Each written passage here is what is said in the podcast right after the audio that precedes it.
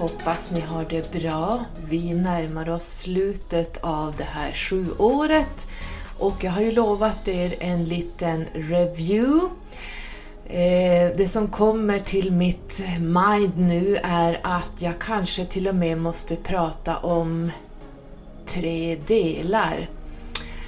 Ehm, dels så tänker jag prata om tarot. Ehm, de två kort som vi har haft som tema inom situationstecken. Nu är det så att tarot har ingenting med numerologin att göra men jag ska försöka ändå att få in tarotkorten i det här sjuåret så gott det går. De har absolut egentligen ingenting med varandra att göra. Numerologin är alltid fristående. Men vi har också, förutom det numerologiska sjuåret, 2023 alltså, så har vi haft två tarotkort som har dominerat oss lite grann, som har visat vad som kommer. Och man kan säga att det är lite sammanlänkat men det är helt fristående läror. Man kan inte säga att det är samma sak så att vi får det avklarat. Men vi har även astrologin som har ställt till det väldigt mycket för oss det här året. Så att jag vet att jag har haft kunder som har sagt det här jäkla sjuåret Eh, jo, men det är nog inte riktigt sjuåret som har ställt till det för dig utan det är astrologiskt saker som har hänt som förmodligen har ställt till det för oss alla. Så att man måste skilja på astrologi, Numerologi och tarot. Det är helt tre olika läror. Det är helt eh, tre olika esoteriska eh, esoteriska och symboliska händelser som egentligen, de här tre har ingenting med varandra att göra. Man kan inte säga att eh, Eh, en sjua är en viss planet eller en stjärntecken. Det, det, funkar inte så riktigt. Då vet man inte riktigt vad man pratar om. Men jag ska försöka eh, samla ihop de här tre delarna till en liten review Så korten i den stora arkanan i tarot, det finns alltså en stora arkanan och en lilla arkana, alltså major and minor arkana. Och vi tittar först på den stora arkanan för ett år och då brukar man göra så att man tar Numerologins sju år som vi haft 2023 och som vanligt vet ni att när man ska räkna ut någonting 2023 då räknar man 2 plus 0 plus 2 plus 3. Man måste alltid, vad man än räknar ut, så lägger man alltid ett plus mellan. Så 2 plus 0 plus 2 plus 3 blir en sjua. Och så här räknar man även ut sitt personliga år. Man tar inte liksom slutsumman, sjuan, och slutsumman för sin månad eller dag, utan man fortsätter när man räknar ut sitt personliga år, för vi har ett kollektivt år som är övergripande för hela mänskligheten.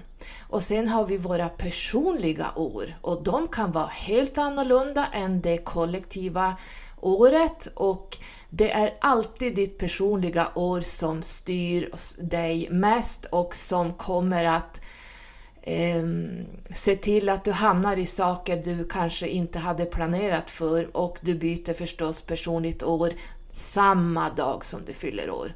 Därför att det kollektiva året startar alltid den första januari och håller på till den 31 december. Sen den 1 januari igen så byter vi kollektivt år. Och då följer vi 2023, 2022, 2021, ni vet. Eh, och då sätter man plus emellan så får man en slutsiffra. Så att när du ska räkna ut ditt nya personliga år som startar den dagen du inkarnerade på jorden.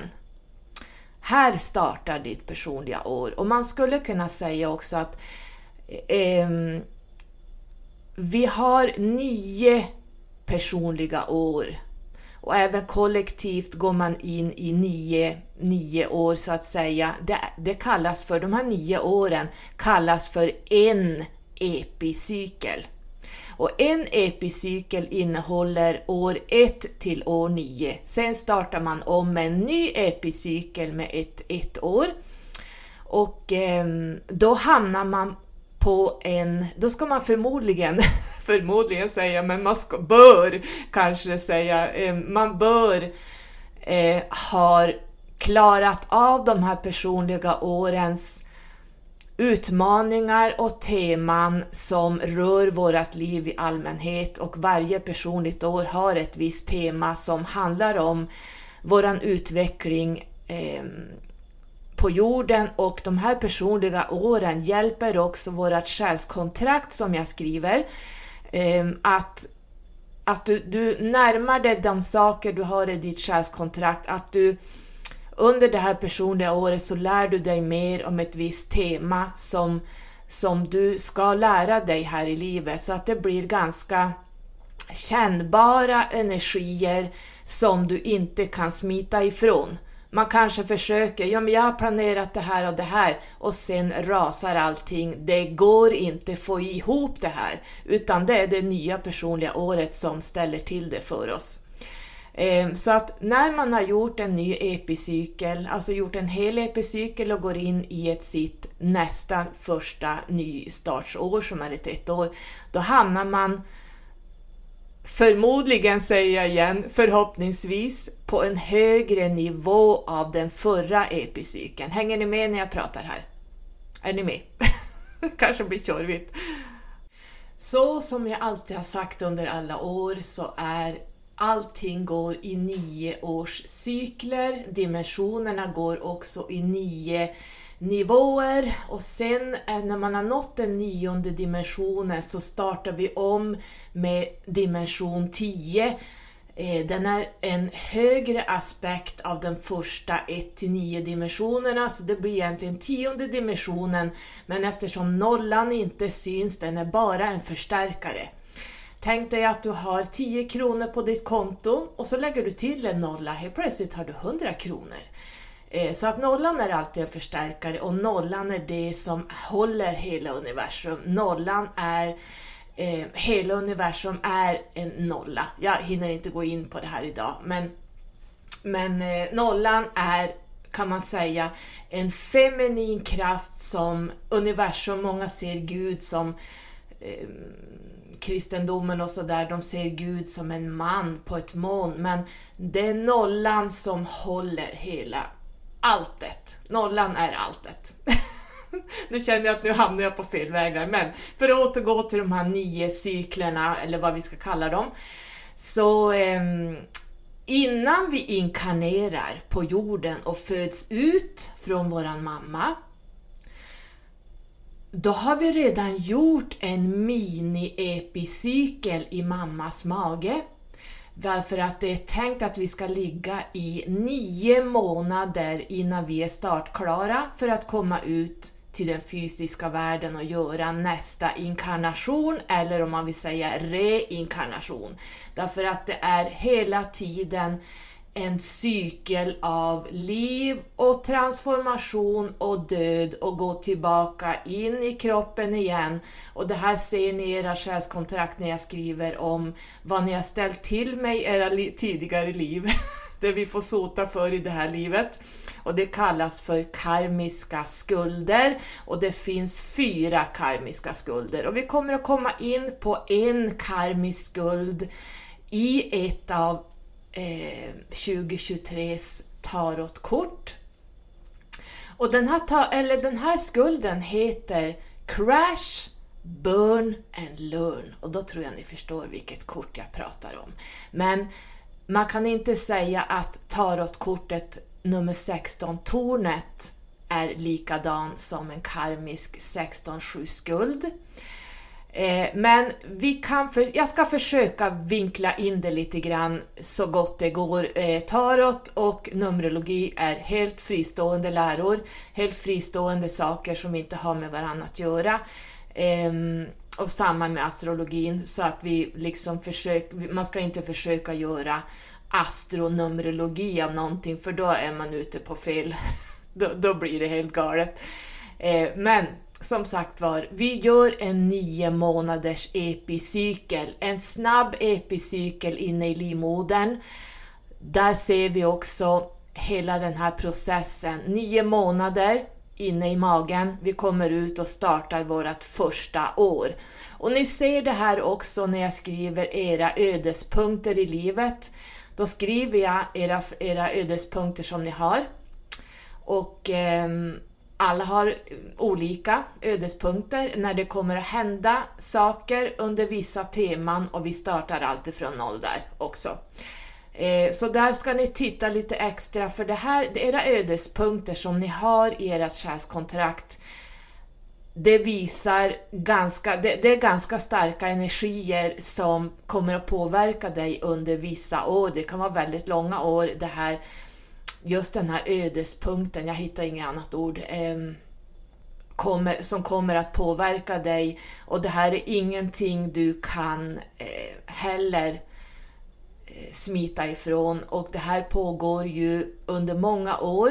Och samtidigt så pågår, pågår dina personliga år som löper i nioårscykler och sen startar de förmodligen igen på en högre nivå i nästa epicykel med ett nytt startsår och så här jobbar vi genom hela livet. Så att vi börjar i livmodern med en snabb epicykel under nio månader och sen fortsätter vi med nio års cykler.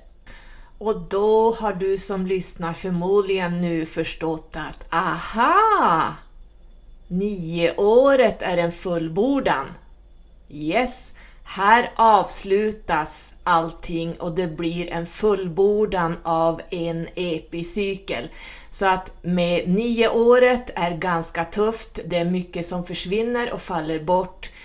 Ehm, för att i nästa år du fyller år så startar du en ny epicykel som egentligen blir 10 eh, fast nollan försvinner. Så vi börjar på ett igen och här ska den här fullbordan vi hade i det här nio året eh, det gäller även kollektivt ett nio år och det gäller även personligt nio år.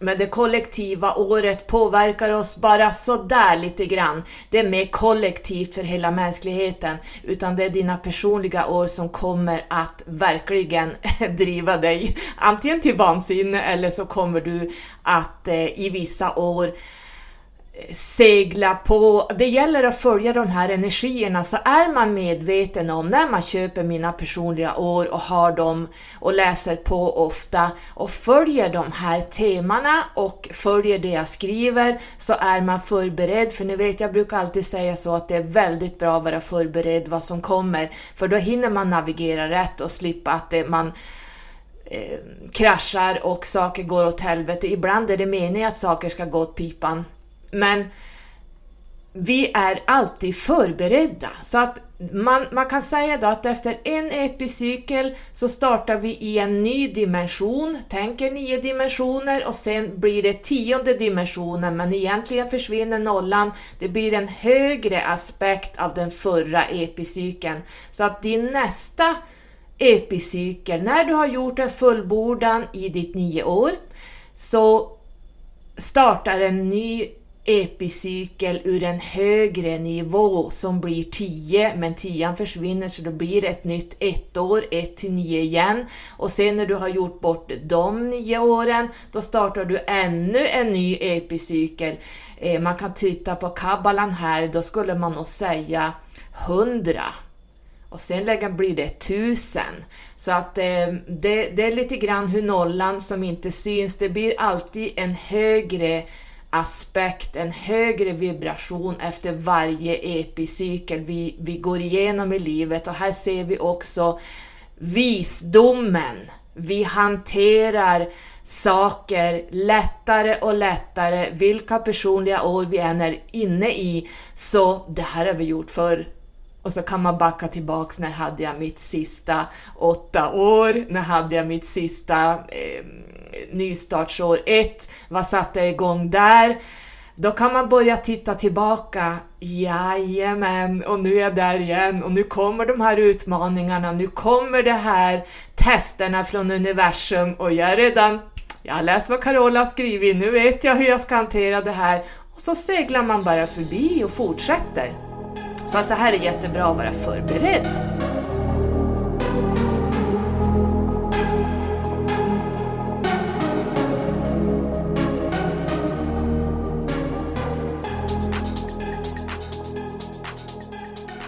När det gäller tarotkorten och då ska vi titta på nummer sju i Stora Arkanan som har varit ett tema tarotmässigt för 2023 och dess eh, connection eh, nummer 16 i, också i Stora Arkanan. Så plocka fram nummer sju, vagnen i eran, om ni har någon tarotlek hemma. Jag sitter med fyra stycken i min hand här, olika tarotlekar som jag tittar på as we speak. Och så plockar du fram, eh, Saja nummer 7, vagnen och eh, nummer 16, tornet tar ni fram.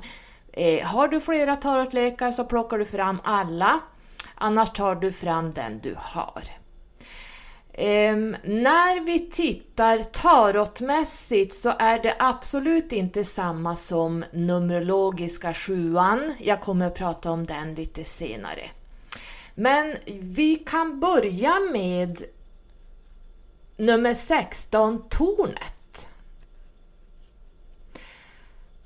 Varför börjar du med nummer 16, tornet? Jo, um, det är egentligen det som kommer före vagnen. Jag hinner inte gå in på varför, eh, ni kommer att få lära er mer om det här vad det lider. Men vi ska dra lite snabbt nummer 16, tornet. Eh, det finns en karmisk skuld som heter 16.7. Som jag sa innan och har sagt i många år, den kallas för crash, burn and learn. De liknar varandra men är helt olika ju mer man börjar gå in i det här. Så att ni ska inte tro att tornet är samma som eran, om ni har en karmisk 16-7 skuld så är det absolut inte samma sak, men vi kan se vissa likheter. Crash, titta på tornet om du har det framme. Har du inte en tarotlek så kan du googla upp Nummer 16, The Tower. Då ser du där, eh, jag skulle vilja säga att du kan ta fram här, kan du titta på eh, Raider Waite Smith, eh, den tarotleken som är den mest sålda. Den är väldigt grafisk, så ta fram det. Du kan också ta fram eh, Marciel, deras eh, tarot nu har jag några till här också. Jag har även Tarot och så har jag två till. Ehm, det blir för tjorvigt för er, men jag sitter med och tittar eftersom ehm, man måste titta på grafiken här. Och vi har ett torn där det kraschar. Så här har vi crash. 16.7 heter crash. Titta på tornet vad som händer. Burn vi ser att det brinner överallt, speciellt från toppen. And learn. Crash, burn and learn. Hänger ni med? Varför kraschar tornet? Vad är tornet egentligen? Tornet är egentligen symboliskt Babels torn.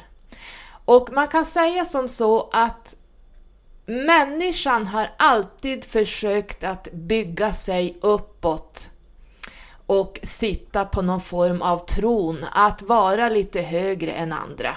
Människan har alltid försökt komma upp mot det man då förr i tiden kallade kristendomen Gud och änglar. Ni vet att det finns inget sånt. Finns det ingen Gud så finns det inga änglar.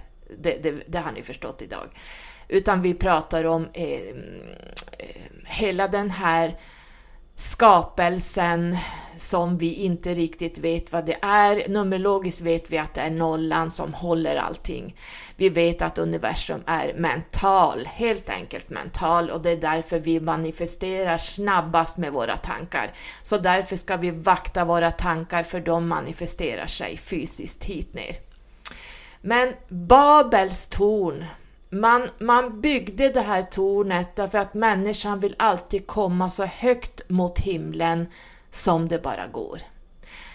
Stämmer det här? Ja.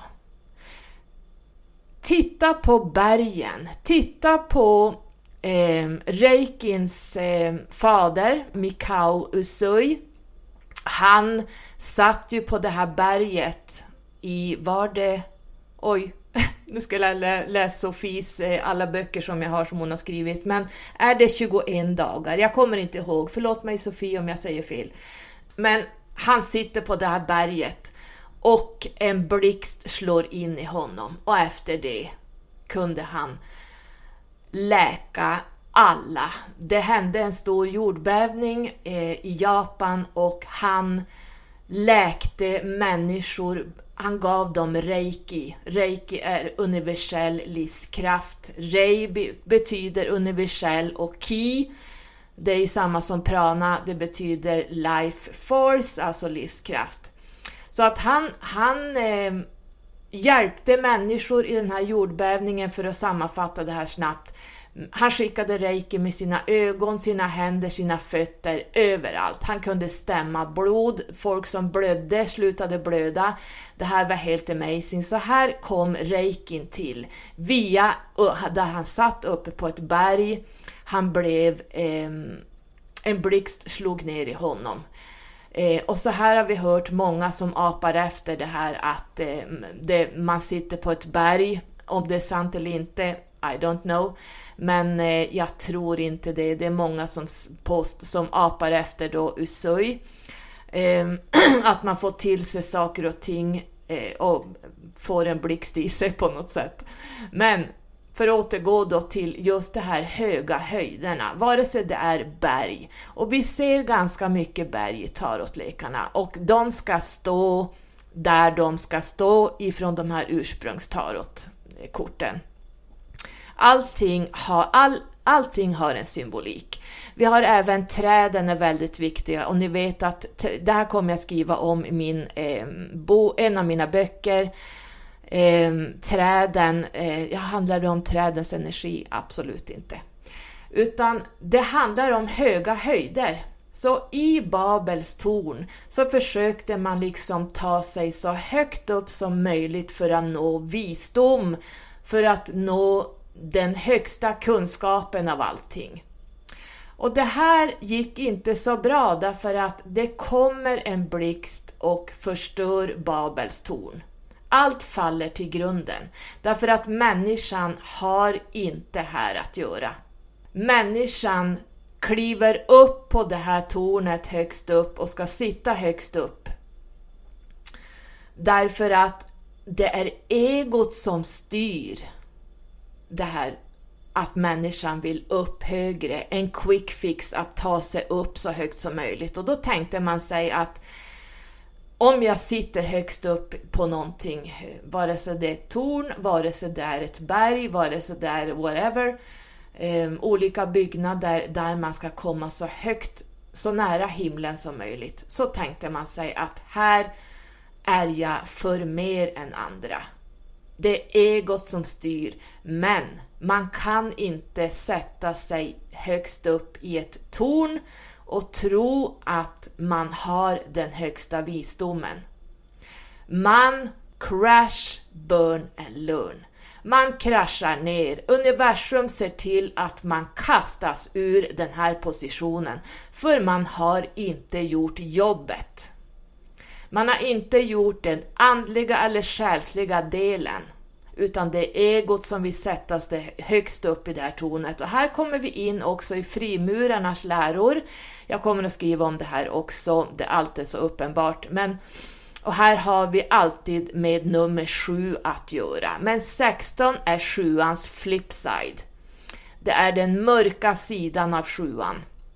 Så att vi kastas ut från i det här sjuåret, eh, om vi nu ska ta in tarotkorten, nu kan man inte jämföra för sjuan, sjuåret, vare sig det är kollektivt eller personligt så handlar det aldrig om crash, burn and learn. Däremot om du har ett 16-7 skuldår som du är inne i, då jäklar händer det saker. Då kommer du att krascha, du kommer att brinna och du kommer förmodligen att lära dig. Så att därför kan vi ibland hamna i skuldår och vi kan också hamna i masterår och därför är uträkningen, hur du räknar ut ditt personliga år, all betydelse. Hänger ni med?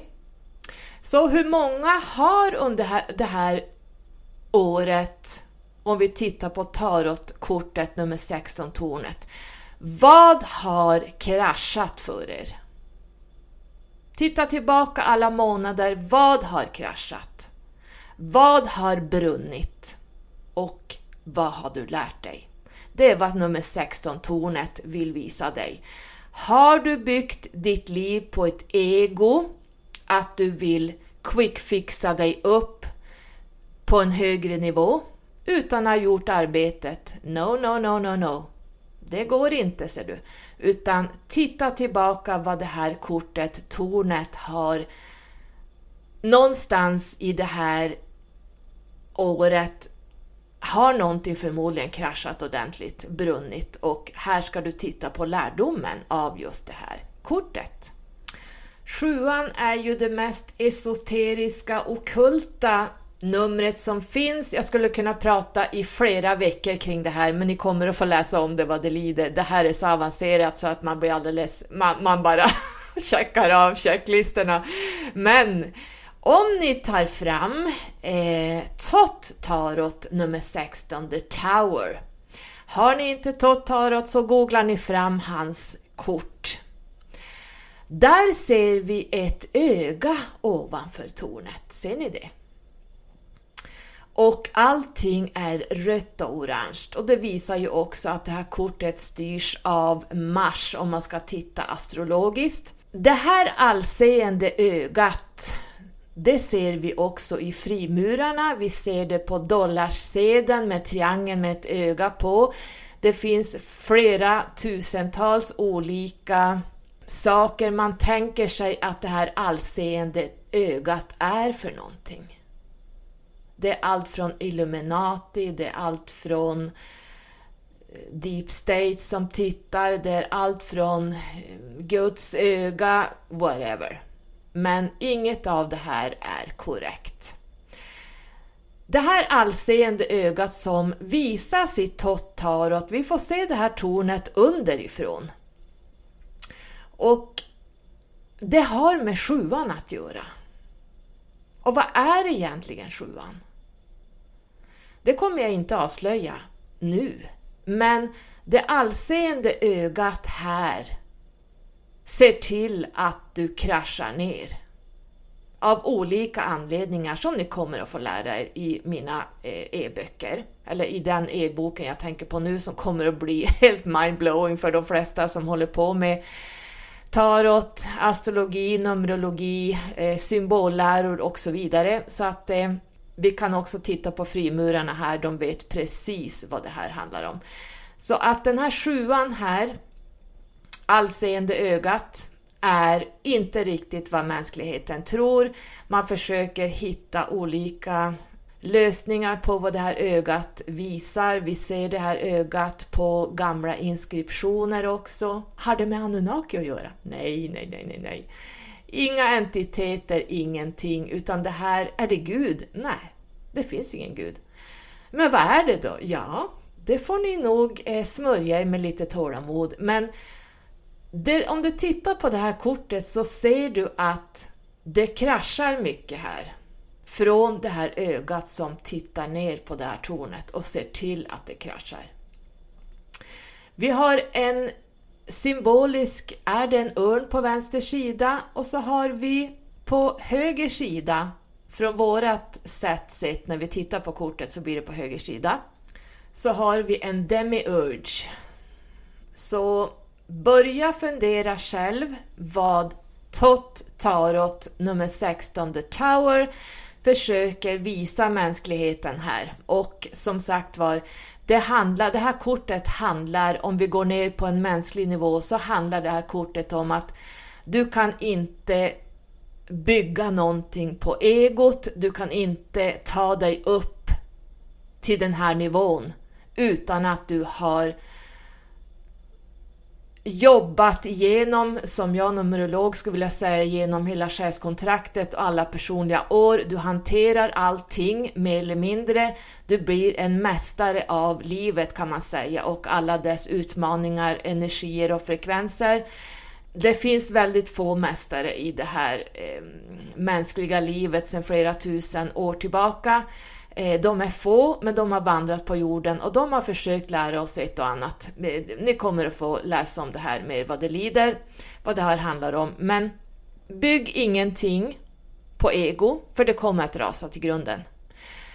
Ehm, vi måste göra det inre jobbet för att ens kunna ta oss och nå högre. Och universum ser direkt om vi försöker kliva upp på höga hästar att beblanda oss med vad vi kan kalla kändisar, att snålåka upp och få en plats på högre poster. Vi kommer att eh, krascha ner där. Eh, vi kanske gör en massa saker i våra företag som vi inte jobbar med själva och arbetar fram själva, utan det här kommer förstås att krascha. Därför att eh, universum har full koll på vad varje människa och individ pysslar med i det här livet.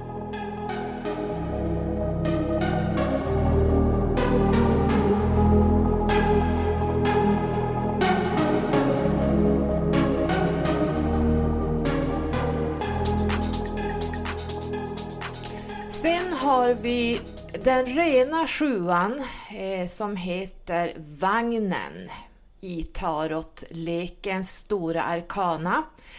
Nummer sju, Vagnen. Här ser vi en person som har en rustning runt sig. Och det här kortet styrs av kräftan. Kräftan har ett skal som vi vet så att det här är en rustning man har på sig Därför att man eh, avskärmar sig från det yttre. Skalet och rustningen avskärmar sig helt från det yttre. Titta i bakgrunden så har vi två stycken slott på varsin sida. Um, vi kan också titta på slotten högst upp i tornet som jag pratade om tidigare. Uh, man lämnar det här och den här personen står i mitten. Man ska alltid titta efter vad står i mitten. Vi ser också två sfinxer som ligger och vilar. En är möjligtvis tolkningsfrågor, eh, black and white, det vill säga Eh, det feminina är det svarta och den maskulina är det vita och sen har de, bär de huvudbonader där det är blandat precis som i yin och yang symbolen. I det svarta finns det en prick av vitt och tvärtom. Vi ser också att det finns eh, en fyrkant mitt på bröstet och vi ser att personens vagn har fyra hörn och de här fyra hörnen symboliserar egentligen alla väderstreck. Det symboliserar eh, alla fyra säsonger. Och så tittar vi även på, lite längre ner på vagnen så ser vi en rund ring och två vingar. Vad symboliserar det här? Jag kommer inte avslöja det och längre ner så ser vi en, det ser nästan ut som en leksak, det är en rund ring med en, en pinne mellan som man kan snurra runt. Det här är helt avgörande för det här kortet. Jag kommer inte gå in i den här symbolen här idag. Men vagnen står stilla. Personen har också eh, en stjärna mitt på huvudet. oj, oj, oj. Om ni bara visste. Men hur som helst så eh, står vagnen stilla. Det händer ingenting. Så det betyder att i sjuan så släpper vi det yttre. Titta på sjuåret, sjuan i sig, handlar hela tiden om att jobba inåt, jobba högre, att göra jobbet inside. Det är därför den här personen, likt kräftan, har ett skydd runt sig. Vi jobbar inte utåt, vi jobbar inåt. allting står stilla. Sfinxerna här ligger och vilar tills vi har jobbat klart med det inre. Att lösa problemen, att vara analytisk, att jobba högre mot universum. Man tittar på sin själ, man tittar efter sitt why. Det här är ett kort av stillastående. Ja, men sjuåret har ju varit katastrofalt. Det har ingenting med det kollektiva sjuåret att göra. Det är astrologiska händelser. Så blanda inte in äpplen och päron här, utan astrologin, planeternas rörelser genom zodiaken ställer till det ibland så att hela världen mer eller mindre rasar. Eh, vi kan också se vi som är extra djupgående, vi ser ju också att alla de här krigen som startar, de är redan eh, igångsatta så att säga. Eh, det här ska jag kunna prata om. Jag tror jag pratat om det här många gånger. Vad vi vet redan vilka krig som ska startas igång, det är redan förberett och det här har ingenting med eh, så att säga sjuåret att göra, eller egentligen inte ens astrologiskt. Visst, det, det blir extra kraftfullt eftersom Deep State kan astrologin och när det passar sig att starta igång vissa krig och vissa händelser på jorden. Eh, det här är bara en ridå av att vi ska fortfarande hålla oss i rädslor Ehm, ja, jag kan prata om det här, nu ska vi inte hamna i det. Så att eh, det som händer i världen, att krig startar och så vidare, har absolut ingenting med sjuåret att göra. Eh, egentligen inte ens astrologiskt, men de kan, Deep State eh, kan ju astrologin när det passar sig att dra igång vissa saker. Krigen är redan klara. Kommer ni ihåg återigen för tusende gången Foldern ni fick i brevlådan 2018 om kriget eller krisen kommer. Vad är vi inne i? Vi är inne i krig, flera krig och vi är inne i att vi ska gå med i NATO. Det, här, det stod i den här foldern också om Sveriges försvar. Det här är redan planerat eh, och är redan på agendan och vi är där redan nu. Det är också en kris, både matmässigt, ekonomiskt och så vidare. Ehm, jag kan prata om det här hur länge som helst, men ni förstår att man måste se vad som är vad. Man måste vara uppvaknad och man måste ha varit nere i alla kaninhål. Så ni som är uppvaknade, ni vet att eh, det här med kriget och det har ingenting med sjuåret att göra.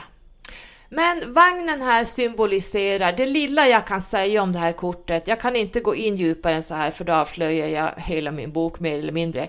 Men eh, det här handlar om att jobba, precis som sjuan, att livet står på paus. Man drar sig undan från, du ser, du ser att han har dragit sig bort från eh, civilisationen som står bakom. Vi har också höga torn där. Titta på 16.7 eller 16-kortet Tornet.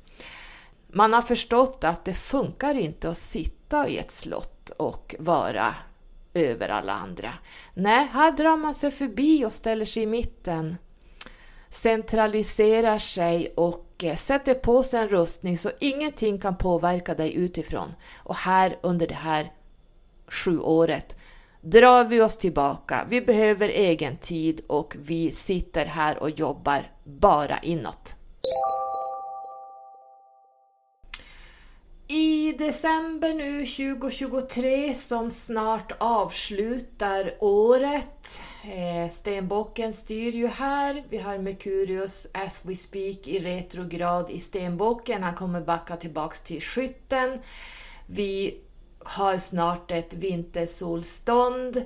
Det är mycket som händer hela tiden astrologiskt också, men eh, vi har en ett månad hela december. Och ettan kollektivt eh, handlar om självet. Det handlar om jaget. Så den här ettan i den här månaden, hela december, handlar om att du ska börja titta inåt på vem du är. Sjuan styr ovanför som ger dig lite hjälp. Nu vet inte jag vad du har för personligt år, men sjuan som är kollektiv, den energin ligger som ett molntäcke runt hela världen, eller hela jorden, och vi påverkas av den även i den här ett månaden. Sen vad du har för eget personligt år och vad du har för personlig månad, det kan ni se i era personliga år, vad ni har för månader just i december, eller vad du har för månad i just december, eh, beroende på vilket personligt år du är inne i. Du kan titta på det. Men ett året, eller ett eh, månaden kollektivt handlar om att, att hitta ditt jag, ditt why. Vem är jag egentligen? Att börja granska ditt jag din etta. Ettan handlar om att vara individuell, att vara unik, att styra rodret själv, att själv fixa en massa saker. Titta här, gå bortom den här ettan och börja titta på vem är jag egentligen? Som människa, inkluderat alla mina astrologiska placeringar, oavsett vilket personligt år eller månad eller kollektivt år, så måste du någonstans titta på och granska ditt inre. Därför att ditt jag är inte bara det här att styra rodret, du måste titta på hur du styr rodret hur du framhåller ditt jag och ditt why den här månaden. För att i januari så går vi förmodligen in, jag tror det blir en nio månad, här kommer vi att eh, bli det, jag kommer förmodligen att prata om det här, men det, det, blir en fullbordan och det blir jättemycket som faller bort nästa månad kollektivt och där är det kollektivt. Det betyder inte att du tappar, det är inte personligt, utan när jag pratar kollektivt då gäller det hela mänskligheten. Men just nu så är vi inne i en ett månad där vi måste börja titta mer på oss själva, granska ditt jag, ditt why och hur du ska gå vidare nästa år. Det här kollektiva sjuåret, inte personligt utan det är som ett sju molntäcke som ligger över hela, det här sjuan ligger ovanför de astrologiska planeterna och eh, även eh, eh, alla konstellationer som planeterna rör sig runt under året. Men sjuan ligger alltid ovanför astrologin och allting. Eh, ni vet att universum är uppbyggt av nummer så att eh, det, det här är källan så att säga. Det har, som jag avslöjade i vagnen och även i tarotkortet nummer 16-tornet, så har det handlat om att många kollektivt har pausat sina liv. Många har analyserat sina liv. Man analyserar verkligheten utanför. Man analyserar eh, och tittar på vad som händer i världen. Man inser att det här går inte längre. Man kanske inser att det jag håller på med i mitt jobb, mm, det jag gör i mitt företag eller allt runt omkring i samhället, det är något galet. Så mänskligheten har pausat, om än det inte har sett ut så, så har mänskligheten pausat och gått inåt och börjat analysera världen. Det är väldigt många i det här sjuåret som har fått ett andligt uppvaknande och kanske till och med ett själsligt uppvaknande. Många blir omkullkastade, lite grann tornet 16-7 den ligger här också och sänder, för det är inte alla människor som är en ren sjua, utan många jobbar i sjuans flipside, det vill säga man, man ser att kollektivt är samhället uppbyggt på ett ego, status, att sitta på höga hästar, att ta sig fram via quick fix, att eh, åka snårskjuts på andra, eh, kanske sälja tjänster som andra gör och skriver och fixar åt en och så tar man själv credit för det. Det här går inte eh, längre utan vi måste stanna upp och titta vad är det som händer i världen. Men den kollektiva sjuan som snart är slut, sjuåret, kan man utan att veta sjuans syfte det kan vara förvirrande och till och med lite deprimerande. De som är väldigt sociala har nu tvingats att faktiskt eh, stanna till lite i livet. Oavsett hur mycket du vill ta dig framåt här är det här ett år att lära sig hur du skapar förutsättningar du verkligen vill ha för dig själv och framförallt då kollektivt. Och i den här processen, i det här sjuåret så kommer vi att utsättas för aspekter av det livet vi lever, eh, om vi har varit missnöjda med någonting så kommer vi inse hur perfekt och tillfredsställande ditt liv kan bli som kollektiv om vi är villiga att göra de förändringar som behöver göras. Det är därför vi, och jag skulle, skulle jag sa ju att jag skulle försöka koppla ihop tarotkorten med Numerologin. Nu blandar jag ihop de här så att ni ska förstå det lite grann. Eh, ni som har sju i era själskontrakt eller är inne i ett personligt sju år, ni läser inte så här. Så att jag vill bara säga det att nu, nu, nu försöker jag som jag sa i början av avsnittet, jag försöker få in eh, korten med den här sjuans, eh, kollektiva sjuan. Och när du har gjort de förändringarna som behövde göras, då först kommer du att veta egentligen vars du verkligen hör hemma i den här snabbt utvecklande och osäkra världen. Det är väldigt omskakande med alla krig och allt som Deep State sätter igång. Och under det här självcentrerande året, för att sjuan är, jag brukar säga, jag har ju tre sjuor i mitt själskontrakt, och jag har även varit inne i ett personligt sju år och så har vi haft ett kollektivt sju år, så ni förstår, jag har haft eh, fem sjuor runt omkring mig. Oh my god! Så att jag har varit väldigt tillbakadragande och sjuan i sig är väldigt, man skulle kunna säga en liten lone wolf, eh, därför att en sjua kan inte jobba högre och förstå saker och ting, analysera saker och ting att vara bland andra, det funkar inte, utan sjuan som sådan, vart den nu än ligger i en själskontrakt eller, eller om man har ett personligt sjuår, eh, så behövs det ensamtid.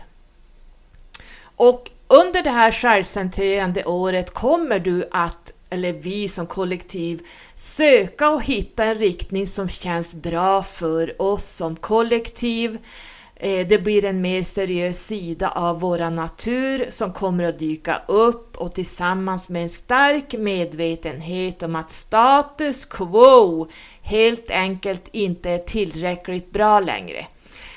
Allt i universum rör sig i cykler, ingenting står stilla. Jag har pratat om de här epicyklerna, eh, vi rör oss hela tiden så att det, vi blir mer eller mindre måna om att titta att vi måste göra vissa förändringar här. Och istället för att rusa ut för att hitta de här förändringarna och möjligheterna eh, ska vi ha tålamod och vi ska vänta på att möjligheterna kommer till oss. Att försöka tvinga dig själv framåt, titta på vagnen som står stilla, det kommer att resultera i samma gamla känslor av missnöje som du tänkte att du, när du står still eh, under sjuåret, att, att man bara står still eh, i, i sitt missnöje av gamla känslor och händelser, eh, det hjälper inte. Det här är en tid att göra saker inåt, man planerar inåt och för att kunna planera inåt så måste vi stå stilla ett tag. Eh, därför att det är, sjuåret har varit en tid av att planera. Vi saktar ner som kollektiv och vi erkänner att vi har känt oss vilsna i det här året. Vi har känt oss vilsna på livets pålande havet, eh, polariserande. Eh, vilken sida ska jag stå på? Eh, behöver du stå på en sida, titta på kabbalaträdet? Vi ska alltid söka oss in i mitten. Vi kan röra oss åt vänster eller höger, men vi ska alltid in i mitten. Och vi ska inte få panik här heller. Och alla går vi vilse. Men det kan vara det enda sättet att ta reda på var vi är i livet, hur vi är. Och faktiskt är det så att du är precis där det är tänkt att du ska vara. Därför att ditt numerologiska själskontrakt håller schemat. Vare sig vi vill eller inte, dina numerologiska personliga år kommer att se till att du är precis där du ska vara här och nu.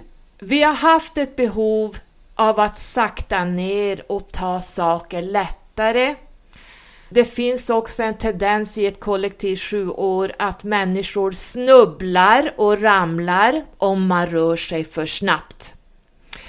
Det här kan betyda också faktiskt fysiska fall och även om det inte behöver hända just dig och även om du är försiktig så är syftet att de här fallen, eh, fysiska som andra saker, kan chocka dig ur dina egna förnekelser och tvinga dig till ett tystare och mer inåtvänt läge.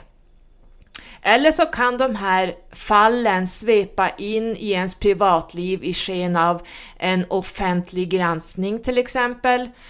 Man kan också se under ett sjukollektivt år att det avslöjas skandaler, hemligheter, konspirationer, eh, och då menar jag inte konspirationsteorier som, som vi som ser igenom allting, utan vi ser vars konspirationerna kommer ifrån, det vill säga det Deep State pysslar med. Eh, så vi ser igenom och då kallas det för konspirationer. Och faktiskt paranoia. Vi ser allt det här i ett sju år. Här också kan en stolthet, det vill säga känslor av överlägsenhet påverka andra negativt och det här är också ett fall från nåd, det vill säga den här blixten som slår ner i det här tornet. På ett eller annat sätt är förnekelse inte ett alternativ det här sjuåret. Och om du har gett efter från någon form av fall kommer det inte att dröja länge innan du inser att det inte bara var oundvikligt utan också en möjlighet att gå vidare i en mer bekväm och naturlig riktning. Sjuan i sig betonar ju introspektion, känslor, analyser, intuition, reflektion, avskildhet, forskning och tro för att nämna några.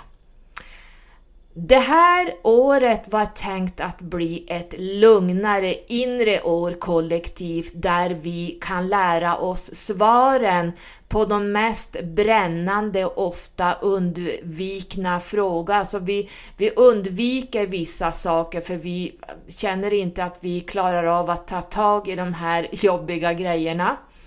Vi behöver söka det som känns perfekt för oss och vi behöver studera och analysera vad som behöver läras för att det här ska bli verklighet.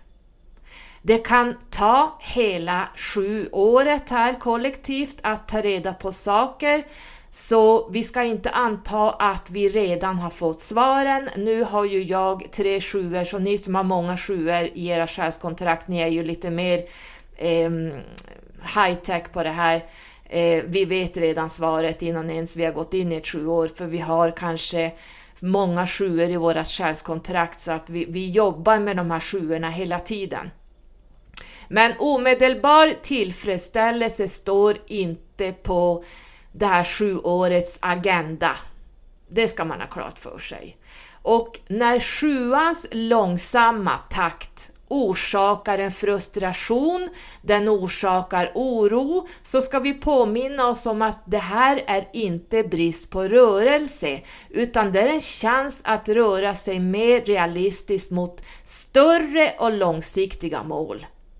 Vi ska ha tålamod, vi ska ha tron.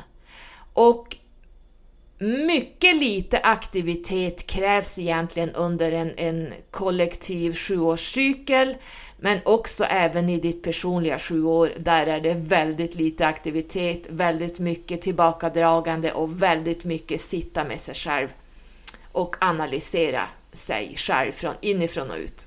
Det handlar också om ett andligt uppvaknande, tror jag att jag sa innan, och det bör användas, det här långsamma tempot ska användas för att få den mentala och känslomässiga upplevelsen som kommer att göra och ge större prestationer möjliga när vi går in i ett kollektivt åtta år den 1 januari 2024.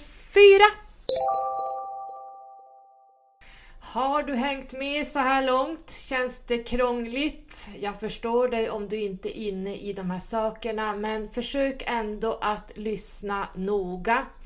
Nu har jag eh, pratat längre än jag trodde jag skulle göra. Jag hade tänkt dra astrologins händelser, men jag ser att jag är inne på snart en timma 56 minuter ser det ut här, oklippt. Men eh, ja, det jag själv kommer på just nu, det är att vi hade Venus i Lejonet var det under fyra månader. Hon gick retrograd här och ni vet att jag pratar, alla som jag pratar med, jag tror också jag skriver om det, kanske på Instagram, jag kommer inte ihåg, ehm, att jag kallar den här perioden för Memory Lane. Mycket som har hänt tidigare i kärleksträsket har kommit upp till ytan. Vi har börjat titta på gamla relationer som kanske har dykt upp. Ehm, vi kanske har avslutat våra relationer och börjat se att det här funkar inte. Eh, tänk då också på sju året som där vi analyserar lite extra noga så att här kan det ha varit eh, mycket som har hänt eh, kring just eh, Venus, eh, våran lyckoplanet, kärleksplanet. Ehm, Eh, personlig sådan. Jupiter är ju också en feminin eh, lyckoplanet men hon är en högre aspekt av Venus. Men nu har vi haft Venus i lejonet och lejonet jag är själv ett ascendentlejon. Jag har väldiga problem med min ascendentlejon eftersom man brukar säga att lejonet är kärleken själv. Jag skulle inte vilja säga det. Jag tycker, eh, eller ja, kärleken själv kanske var fel ord. Eh, man brukar säga att lejonet har ett jättestort hjärta. Ja, det kan jag hålla med om, men lejonet styrs av solen och det handlar om egot. Så att här ser vi nej, not so good. Det här måste man börja titta på och eh, var man nu än har sitt lejon, om man har den i sina big three, sitt stjärntecken, ascendent eller i månen, men man har lejonet, någon, alla har lejonet någonstans och det här representerar ju din storhet och ditt ego, bland annat. Eh, se mig, hör mig, att inta den stora scenen, eh, att glänsa, And, ja, ni fattar. Och så Venus på det här som handlar om lyx, flärd, pengar, eh, Eh, ja lite sånt. Eh, så att eh, det blev inte så bra kombination det här tyckte jag i alla fall. Lejonet i sig har alldeles för mycket ego. Det här är någonting jag måste jobba med, med mitt lejon och tack och lov som jag sagt i något tidigare avsnitt här att min stenbock och min Saturnus, jag har ju stenbocken som stjärntecken, tack och lov trycker ner det här egot så fort mitt lejon vill kliva ut på stora scenen och bara Hallå! Jag kommer in i ett rum och bara Tjaba! Titta på mig! La, la, la, la, la. Det är lejonet i ett nötskal, så jag kan inte säga att lejonet egentligen är så kärlek och nej, jag, jag har lite problem med lejonet eh, lejon rent allmänt. Jag tycker de är för stora på sig.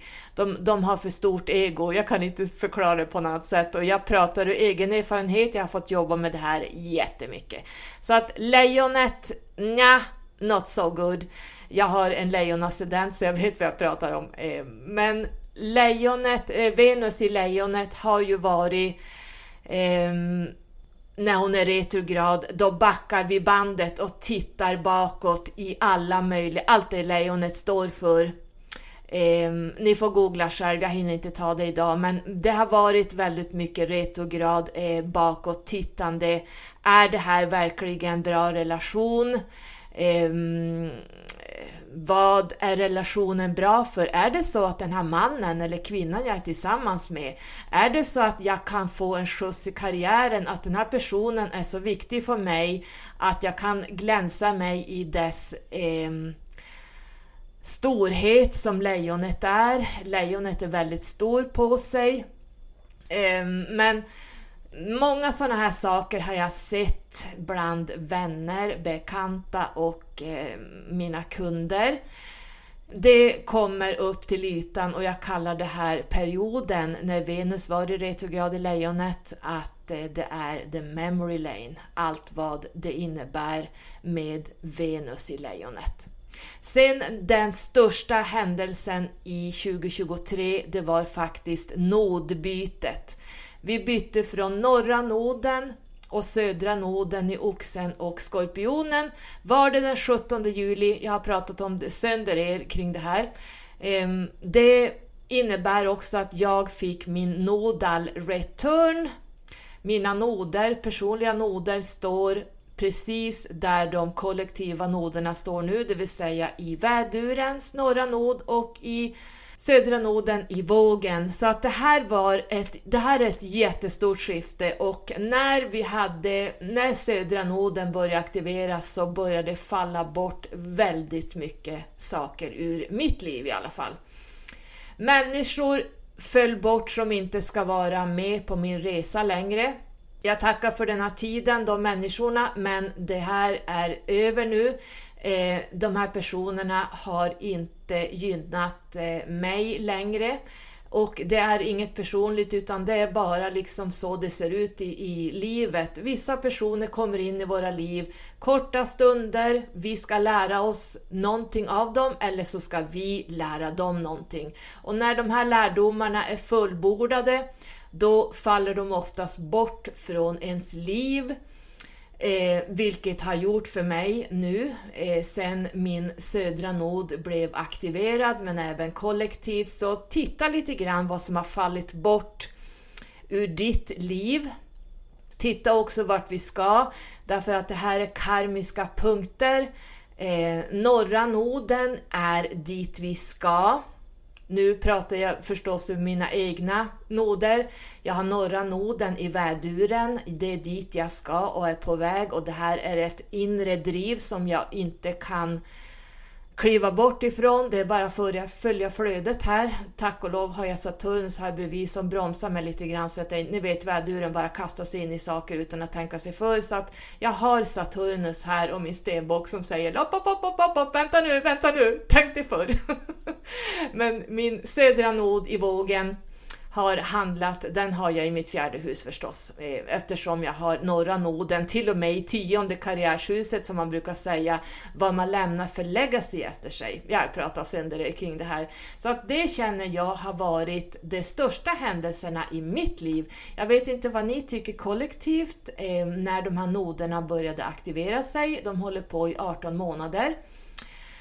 Så vi kommer förmodligen att se resultatet längre fram om ni inte redan har gjort det.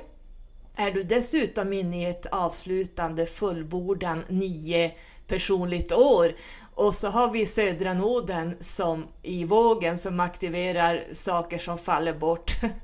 oj, oj, oj, oj, jag skickar ett extra hjärta till dig. Det, eh, det kan vara tumult nu för dig. Men som sagt, jag har pratat jättelänge och nu är jag över en timma så att jag tror vi avslutar här. Tack för 2023s år, eh, både från Esoteriska podden som nu är avslutad, den föll också bort, men också alla mina kunder och alla ni som har lyssnat i den här eh, Numerologiska podden. Jag hoppas att vi överlever det gör vi absolut, men det har varit tumult astrologiskt, absolut. Numerologiskt har det varit ganska mycket inre arbete och mycket uppvaknande som har skett. Ta hand om er! Jag önskar en god jul, jag önskar ett gott nytt åtta år. Jag återkommer förmodligen när vi går in i det här åtta året som kan bli a blessing and a curse. Åttan är, kan man säga, eh, lagen om orsak och verkan. Eh, det som händer i ena öglan i åttan kommer tillbaks i den andra. Här är ett år där vi får manifestera good or bad, det vi har satt igång ehm, de sista åtta åren, eller sju åren, det vi har dragit igång, det kommer vi få utdelning av i det här åtta kollektivt året och du som är inne i ett personligt åtta år, du vet vad jag pratar om det blir ännu mer eh, impact där. Så ha det så bra så länge och eh, tack för att du lyssnar! I love you! Och du hörde det först på Numerologiska podden. Kram kram!